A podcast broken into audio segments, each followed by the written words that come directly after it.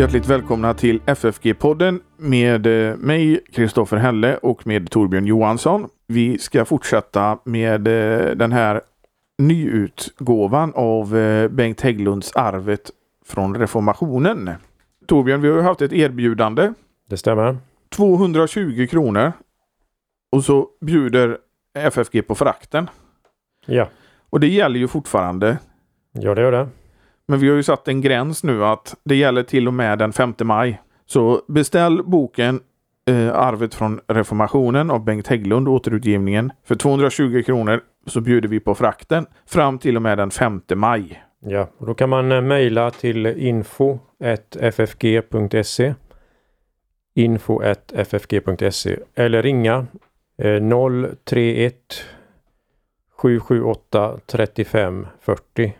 Och då anger man att man har hört det i podden så får man det för, för det priset. Fram till och med den 5 maj 2023 kanske vi ska säga också om de som lyssnar i efterhand.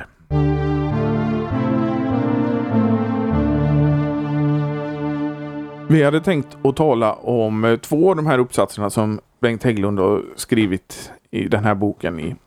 Vilka är det Torbjörn? Det är en som heter Luther som bibeltolkare och sen ett annat kapitel som heter Berättelse och budskap i Luthers predikan. De är närbesläktade. Båda hör samman eh, från egentligen läsning av Bibeln och vi vet hela Luthers väldiga översättningsarbete av Bibeln. Men hur detta sedan hela vägen till att det möter församlingen i form av predikan. Så man kan hålla ihop de här två kapitlen. Mm. Det tycker jag. Det är ju det man tolkar ur Bibeln som han sen predikar. Ja, det, jag tycker här att Hägglund har väldigt intressanta iakttagelser eh, hur Luther levde med sin bibel och ur det så kommer också predikan då som en, en, en följd av det. Men eh, en del i de här avsnitten eh, de är ju översiktligt skrivna, alltså allmänt som introducerande. De förutsätter egentligen inte det, alltså att man, man har en viss kunskap innan. Så de är breda på det sättet men samtidigt finns det väldigt djupa iakttagelser i dem som gör dem så intressanta. Vi talade ju lite om det här vad som kännetecknar Hägglund förra gången och det är väl just det som gör det att det är- går väldigt på djupet men ändå är väldigt tillgängligt. Ja, det tycker jag man kan säga. Och det är ju ett sätt i hur han använder språket. Liksom använder få ord för att beskriva mycket. Ja, och att det inte att, att i god mening eh, göra det enkelt. Att, um, utan att det blir eh, banalt eller allt för förenklat så finns hela komplexiteten med i vissa frågor som man vet är eh, invecklade och, och, och så men det framställs ändå på ett sätt som gör det Ja, man behöver inte ha massa förkunskap. Och det som du var inne på är ju att Luther han var ju verkligen en bibeltolkare. Ja, och det börjar den här eh, uppsatsen som då den första av dem, Luther som bibeltolkare och helt enkelt berätta lite om eh, hur central Bibeln var och eh, det kan vi väl nämna lite här. Alltså Luther var mellan år 1513 till 1545 föreläste han över bibelböcker vid Wittenbergs universitet. Och egentligen alla dessa föreläsningar, de flesta ska jag säga, inte alla, men den övervägande delen var från Gamla Testamentet. Sen eh, föreläste han också över böcker i Nya Testamentet. Bredvid detta så predikade han regelbundet och då hade de ju liksom vi har nu i Svenska kyrkan en evangeliebok med utvalda evangelietexter och episteltexter. Och sen höll han även andra utläggningar vid sidan av detta. Men han, han levde så att säga med och i och av Bibeln på ett eh, på det här sättet väldigt intensivt i eh, då över 30 års tid som det är vid Wittenbergs universitet. Då. Man kanske också ska nämna det väldiga arbetet det var med bibelöversättningen. Alltså Nya Testamentet översatte han när han satt på Wartburg. Men sen Gamla Testamentet höll han ju på med och de reviderade och de arbetade som ett slags eh, team med olika, dels de som kunde hebreiska språket, experter på det och, och de träffades regelbundet och de gjorde en översättning. Sen höll de på att revidera den översättning, förbättra den och det här det här såg han ju på många sätt som sitt, sin viktigaste insats, att den blev tillgänglig. Bibeln blev tillgänglig på folkspråket. Då. Vi, vi kanske inte ska förutsätta att alla vet det, men innan Luther gjorde det här, som han översatte Bibeln, så kunde inte en vanlig församlingsmedlem läsa Bibeln. Nej, och vi ska ju också där tänka, äh, eh, nej för att det, det var ju Vulgata, den, den latinska.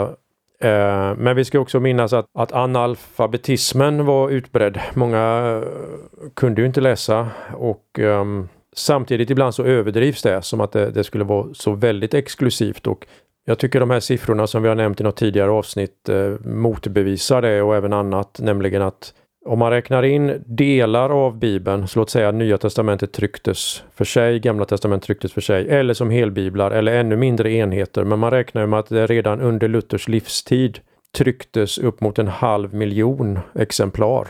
Vilket ju är en eh, enorm siffra. Och det var då innan, innan hans död. Sen fortsatte detta. Och det gör att man får tänka att i städer och på olika sätt fanns det en eh, nivå av läskunnighet och intresse och även ekonomiskt, att det, inte, det var väldigt exklusivt att kunna köpa en bibel, men det var inte som det ibland framställs att det var så enormt exklusivt och ovanligt att man kunde köpa en bibel. Men det är ju också eh, olika utgåvor. Det fanns ju jättefina illustrerade utgåvor eh, redan tidigt. Men sen fanns det väl enklare utgåvor också. På... Jo men det är sant ju. Och de första helbiblarna det är också en intressant sak man kan notera att bilderna fanns med i, i, i Luthers utgåvor av, av biblarna, liksom av katekesen redan från början. Alltså att man, man, eh, och det hör, tror jag, ihop med hur han förstår. Vi kan komma tillbaka till det här strax, men han betonar mycket bilden och att du kan, alltså den bilden som också en berättelse skapar. Låt säga en berättelse om Jesus i krubban skapar en bild. Och du kan sluta denna bild till ditt hjärta. Du kan ta in den i ditt hjärta på ett sätt som du har svårare att göra om det är abstrakta begrepp. Om man till exempel talar om rättfärdiggörelse, som är ett abstrakt begrepp, så är det i sak detsamma som när fadern tar emot den förlorade sonen, fadern som kommer och, och omfamnar honom. Men Gud tar emot oss av nåd utan våra gärningar genom tron alena. Och det ena båda två finns i Bibeln. Och vi behöver båda två. Men de fungerar på olika sätt hos oss. Det ena är mer förnuft och eh, analytiskt, vi tar till oss det. Och det andra är mer en eh, ja, målande, en bild som alla barn, eh, alla kan förhålla sig till och det involverar våra känslor, vårt hjärta, hela, hela vårt jag och Bibeln talar till alla dessa delar och jag tror illustrationerna, bilderna som Luther ha med eh, en del i den helhetsbilden han, han vill förmedla till alla sinnen. Ja visst är det så. Och en bild eh, bryter ju av lite också. Att man fångar den uppmärksamheten på, på bilden och, och så här. Så jag tror att eh, det är väl sånt som jag har hört att folk håller på med i sociala medier och sånt här idag. Att lägga till en bild är viktigt. För då, då är folk mer uppmärksamma. Mm.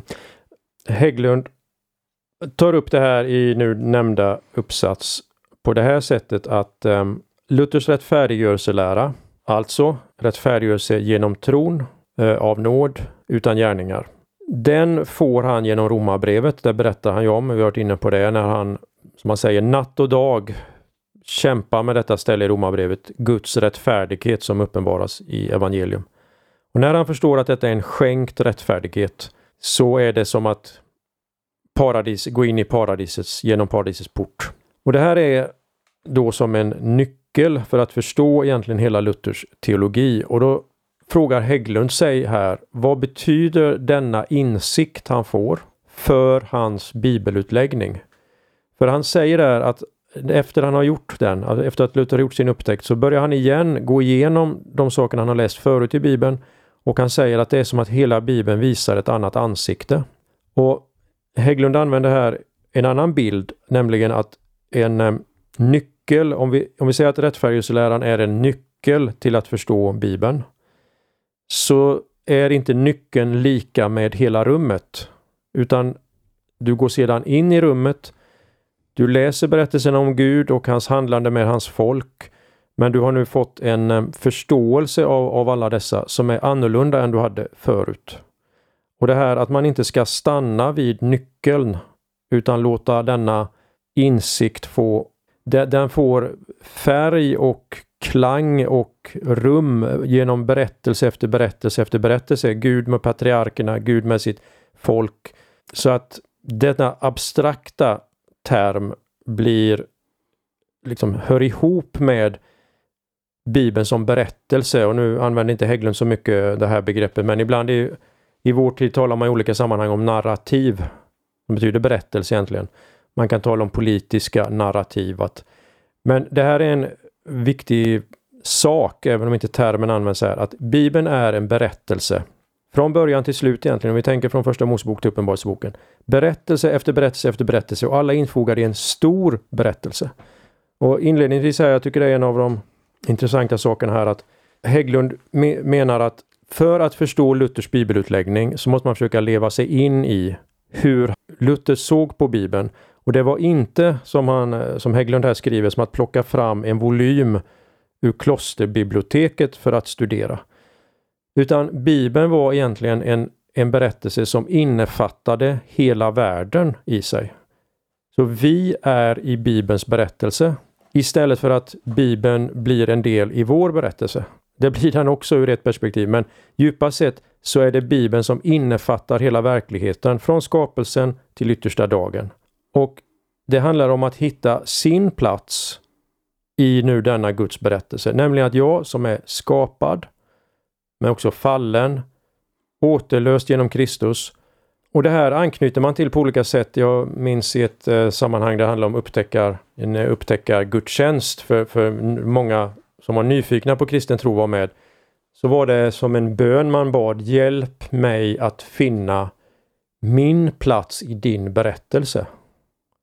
Det är faktiskt väldigt snarlikt hur, hur Luther utlägger det här. Att, att bli kristen är att man kan beskriva det som att jag finner min plats i denna berättelse. Jag finner mig och Man kan tänka sig också som en altartavla där, där det skildras ända från skapelsen till yttersta dagen och Kristus och korset och uppståndelsen, den tomma graven kanske i mitten. Där är mitten i hela mänsklighetens historia. Och jag får då med mitt liv och mitt dop där jag har fogats in i detta och jag får förstå mig från detta. Och Bibeln blir på detta sätt en, en värld som man lever i istället för att bara eh, en bok som kommer in i vår värld här med något slags budskap. Det, det var så Luther levde och då säger Hägglund också att det här hade Luther i hög grad gratis på så sätt för att detta var gängse på medeltiden att man hade denna vördnad för, för Bibeln medan vi i vår tid behöver återvinna den. Vi behöver liksom genom inlevelse och upprepad läsning och övning liksom återvinna den förståelsen av vad, vad Bibeln är för en slags bok. Men Hägglund skriver att denna nyupptäckt skedde i samband med arbetet med Bibeln och med bibelutläggningen. Det tangerar det vi, vi ska liksom gå in på hans predikan lite sen och så, men eh, just att Bibeln som sig, eh, den är ju inte alena för att den är ju med anden också. Och det är ju inte overksamt när man på ett uppriktigt sätt arbetar med eh, texten. Nej, det är ju alltså att, att, att förstå det på det här sättet det är djupast sett eh, Guds ande som verkar genom ordet och får oss att, att se det så och förstå det så och att vi på det sättet blir mer och mer, ju, ju, ju mer vi förstår av Bibeln skulle jag säga, ju mer tacksamma blir vi att vi får ta del av, som Jesus säger, att leva av vart ord som utgår av Guds mun. Så istället för att vara över Bibeln, att mästra Bibeln och tala om fel i Bibeln och liknande så så blir den något man tar emot som något man lever av. Man eh, älskar detta ord och man får liv av detta ord. Anden är verksam genom det. Samtidigt är det här många fascinerande detaljer, kanske är fel ord, men ändå det här med enhet och mångfald i Bibeln. Att förut kanske man såg det som att Bibeln är eh, väldigt spretig och, och talar om så många olika saker. Och det gör den. Men det är ju en poäng med även det att, att i allt detta finns en enhet. Allt handlar om Jesus Kristus och vår väg till Gud, vår frälsning. Men i det här så har Gud valt att ibland bli väldigt detaljerad. Vi kan tänka delar av Gamla Testamentet där, där vi får följa saker på detaljplan. Medan ibland kan det gå hundratals år i bara några meningar och i allt detta, precis som evangelierna, vissa saker som Jesus gör och, och säger skildras kortfattat, annat utförligt och i detta ligger också någonting, vad är det Gud vill säga till oss? Alltså vi har redan i disposition och tyngdpunkter, i allt detta ligger ett budskap. Jag brukar säga att, eh, hade du en brevvän när du var, var liten Torbjörn? Nej, det hade jag inte. Men man kan säga att Gud är vår brevvän. För han skriver sina brev till oss genom eh, Bibeln. Och vi svarar honom genom att be. Mm. Det kommer jag att tänka på uh, Dietrich Bonhoeffer upplevde ju en omvändelse från att vara en akademisk teolog och eh, verksam vid Berlins universitet. Så, så upplever han vad han själv beskriver som att det var då han blev kristen. Att han hade höll på. Och det som en av studenterna då omvittnar om, om hur de märkte, för han berättade inte om det egentligen, men, men de märkte ändå skillnaden och vid ett tillfälle hade han sagt till studenterna Kom ihåg att eh, bibelordet är ett, ett kärleksbrev till er skrivet från Gud. Och det studsade de till inför för det var inte vad, man, vad han hade sagt förut och hur man vanligtvis uttryckte det. Ordet är ju verksamt om man brukar det på rätt sätt. Det är det. Och då, det är också intressant. Då kan man uttrycka det som att det är verksamt i vårt hjärta. Vilket det är och det är helt rätt. Men och i den meningen så flyttar ordet in i hjärtat. Ordet är dig nära, säger Paulus där, i din mun och i ditt hjärta. Men med det här sättet nu att förstå det som, som utvecklas här i, i den här artikeln så, så är det på ett sätt som att också att vi flyttas in i texten. Liksom, Jesus träder fram, han, han blir, om man uttrycker så, verklig. Den som läser med tro har ju detta att Bibeln handlar verkligen om mig. Det som händer här är, jag, jag är, jag är den som är en av dem som Gud handlar med och i den meningen så blir berättelserna också något mer än bara någonting som händer där i historien. Men det är ju lite av reformationens upptäckt att eh, det handlar om mig som enskild individ eh, och inte om en grupp. Att jag är del i en grupp som har den rätta läran utan att det handlar om mig. Jesus har gjort det för mig.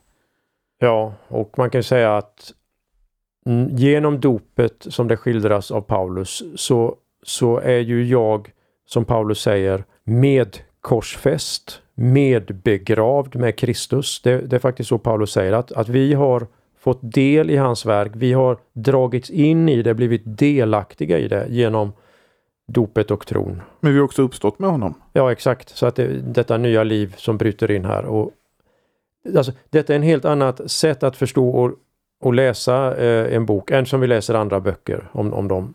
Särskilt om det är historiska böcker. Och, men låt mig bara, detta gäller i synnerhet nu när man kommer till Saltaren då. Och Luther skriver ett par berömda företal till Saltaren.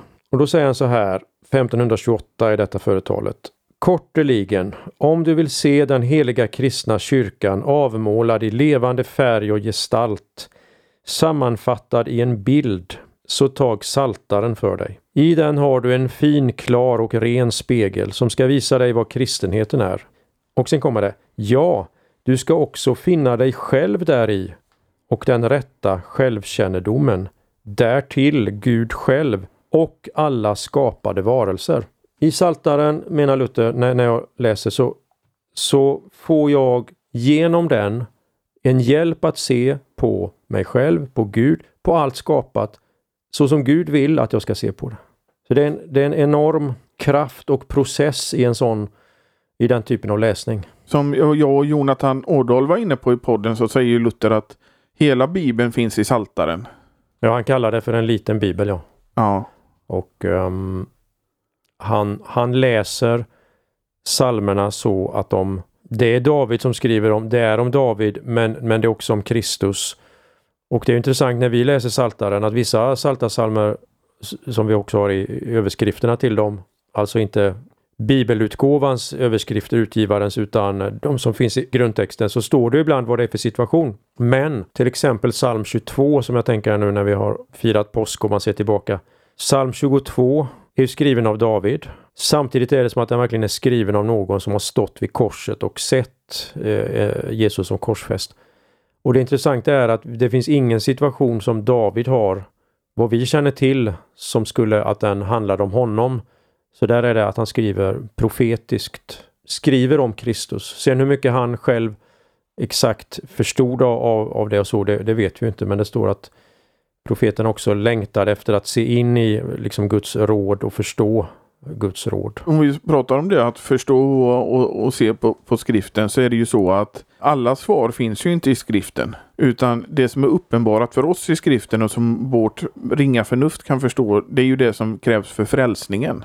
Ja, det är det vi har och, och, det, och det är också, eh, och också det är en viktig biblisk hermeneutisk princip, alltså en tolkningsprincip att vårt förnuft, vårt vetande har en gräns. Och att, att följa det ända fram till den gränsen, det, det är viktigt för Gud har velat den, han har uppenbarat att vi ska ta vara på den. Men när vi kommer till den gränsen ska vi också erkänna att det som är bortom den, bortom det han har uppenbarat, får vi bara säga att eh, det vet vi inte.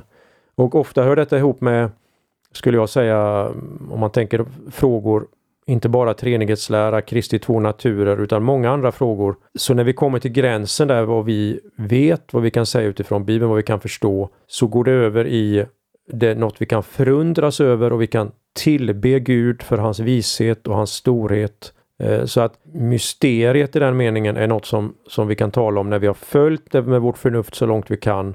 Och Sen kommer vi över till, till det vi inte kan veta, men det, det ska då mynna ut i tillbedjan av Gud. Att han har uppenbarat, han uppenbarat och att vi får ta del av det. Men jag vill bara nämna en sak till här som rör detta med bilder som finns i den första uppsatsen. Att eh, när vi förstår det här som, som Luther nämner, oss själva, Gud och världen omkring oss, verklighetsuppfattningen. Så har allt detta har genom syndafallet blivit till en falsk bild i människans hjärta. Hon har en falsk bild av sig själv, en falsk bild av Gud på Luthers tid var ju detta i synnerhet att, att Gud var vred och straffande och ville döma honom. Men genom ordet, genom Bibeln, genom att leva i Bibeln på detta sätt så får han, skriver Hägglund här, en ny bild, en sann bild.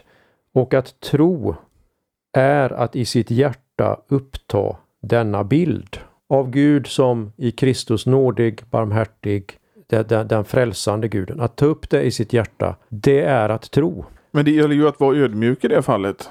För att människan i, i, till sin natur vill ju inte göra en exeges utan en eiseges. Man vill alltså läsa, istället för att läsa ut någonting ur texten så vill man läsa in någonting i texten som passar en syfte. Ja, och detta med um, den upprepade läsningen, att leva i det och att på något sätt hela tiden låta sig, eh, som du säger, korrigeras av det. Och en, en, viktig hjälp där är ju att alltid att fråga vilken är eh, min personliga tendens att vad, vad kan jag tänka särskilt vilja lägga till eller dra ifrån? Men också vad som är vår tids särskilda tendens. Vad kan den vilja lägga till och dra ifrån?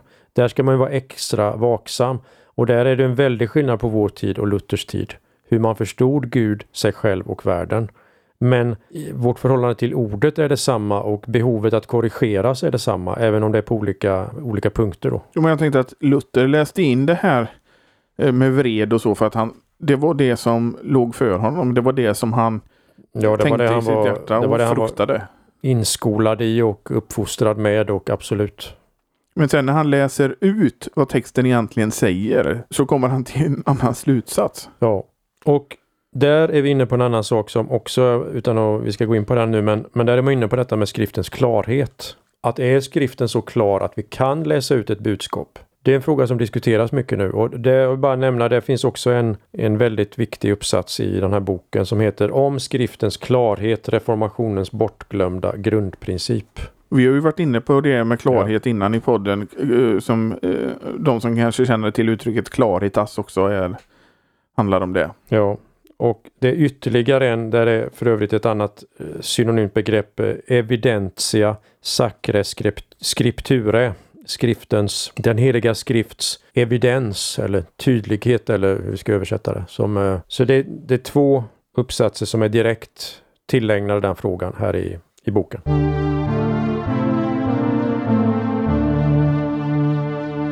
Nästa uppsats som vi hade tänkt att, tala om är den här berättelse och budskap i Luthers predikan. För de som har boken så finns det på sidan 173 i, i nu, nyutgåvan ska vi säga.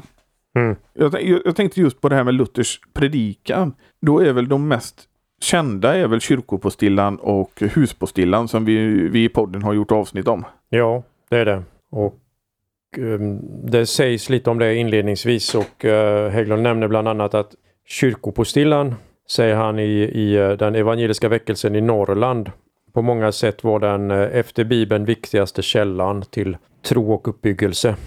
Så att den har spelat väldigt stor roll i Sveriges eh, kyrkohistoria, alltså kyrkopostillan. Och det tror jag huspostillan också har gjort. Alltså att många har tagit sin inspiration därifrån. Och, och liksom den här klara teologin som ändå finns i Luthers predikan.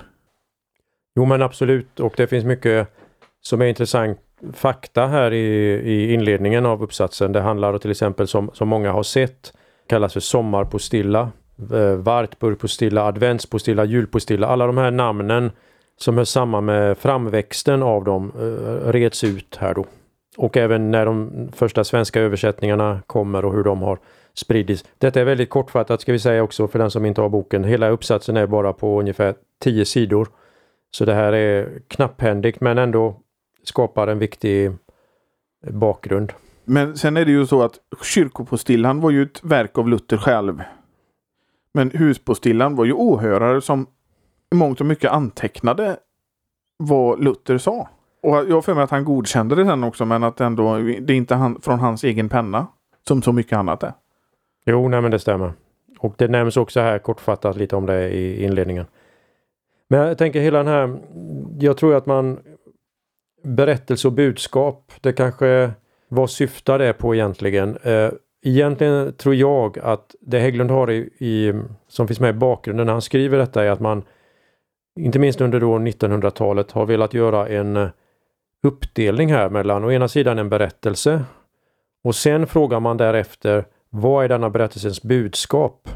Och med tiden så ledde detta till att man försökte få fram ett budskap som var mer och mer frikopplat från berättelsen. Om no någon berättelse, alltså som vi har haft det här nu, ett narrativ, en berättelse handlar om hopp, så, så blir budskapet då som du ska predika, det blir hopp. Och du kan mer och mer koppla loss det från den bibliska förankringen i berättelserna så att du Alltså det här hade sin mest tillspetsade form i eh, en teolog som heter Rudolf Bultmans program. Och eh, det kallas ibland för hans avmytologiseringsprogram. Att han menar att mycket av det som är i Nya Testamentet är myter som man kunde tro på i antiken. Men som inte vi tror på nu. Men det betyder inte att myterna inte har något att säga utan man ska försöka då, som man kallar det, göra en existens, eh, existential interpretation. Vad säger det här om den mänskliga existensen, den här myten eller berättelsen? Och det blir sedan det man kan predika som ett budskap, ett eh, kerygma. Ett, det är detta Hägglund vänder sig emot. Att han vill inte dela upp det så. Och utan istället hålla ihop det. Att, att predika evangelium är att visa hur berättelse och budskap hör samman hela tiden. Och rötterna till det, jag bara nämna kort, det är egentligen när en eh, teolog som heter Martin Kähler, um, han skrev om den historiska Jesus och den förkunnade Kristus. Kähler försvarade på många sätt att hålla ihop detta, ska vi säga, men, men att han tog upp det, det var som går tillbaka till den tyska liberalteologin där man skilde då den historiska Jesus som man med historisk kritisk metod och på olika sätt skulle komma. Det var den Jesus som har levt och vi kan säga om honom. Men sedan den Kristus som fanns i den tidiga kyrkan i Nya Testamentet, det var något annat. Så man delade på, på dessa. Och här finns liksom en parallell till detta med berättelse och budskap. Och, och Keller vill hålla ihop de här och på liknande sätt Hägglund i, i förlängningen av det vill visa hur berättelsen och budskapet inte på det sättet kan skiljas åt.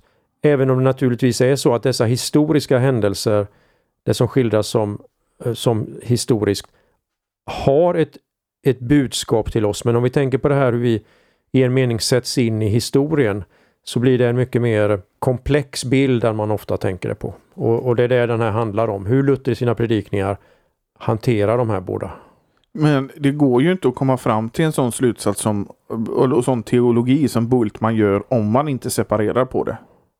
Nej, och vi ska säga med att Bultman har haft ett enormt genomslag på 1900-talets eh, teologi. Även efter att hans teser har motbevisats så har hans eh, teologi ändå funnits kvar på något sätt för att han hade ett sånt oerhört genomslag. Ja, det hade han och eh, även om många nu förkastar hans program som, eh, som helhet så finns det ändå delar av det som lever vidare. Och bara för att ta ett exempel, om vi, om vi säger jungfrufödseln så berättas det ju hur, eh, hur Jesus föddes av en jungfru.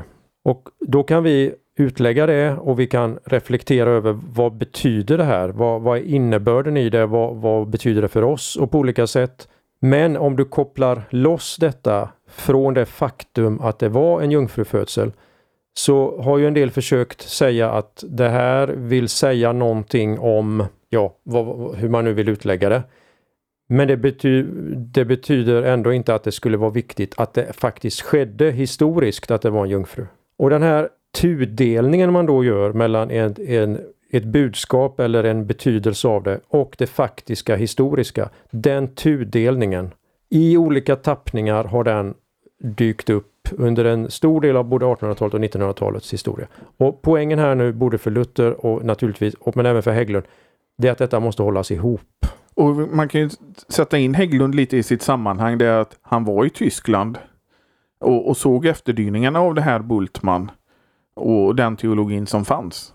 Ja, han hade väldigt mycket kontakt med tysk teologi så att det finns med som en, tror jag, bakgrund till, eh, till den här. Och en teolog han ofta återvänder till, nu vet jag inte om han gör det i denna mm, uppsatsen, jag kan bara titta i noterna.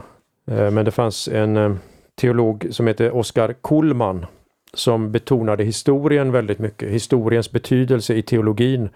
Alltså hela Guds handlande är i historien med, med utväljandet av Abraham, sitt folk, Jesus i historien, apostlarna. Hela det faktum att Gud har valt att handla i historien har Kullman gjort väldigt mycket av och eh, Hägglund anknyter gärna till, till honom för att stryka under det. Men den som, som predikar och förkunnar Guds ord, den har ju ett budskap. Mm.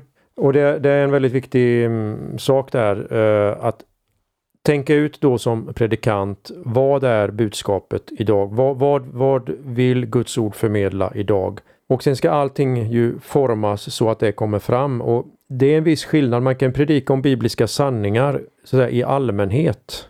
Men ett budskap är något än mer specifikt att detta är vad Gud vill säga till oss idag. Om man nu tar det generellt. Det Luther ofta kommer fram till när han predikar evangelietexterna så delar han upp det i Kristus som gåva och Kristus som exempel. Och huvudärendet blir ju att Kristus som gåva och på, på vilket sätt han är skänkt till oss, han ger sig själv åt oss och så vidare.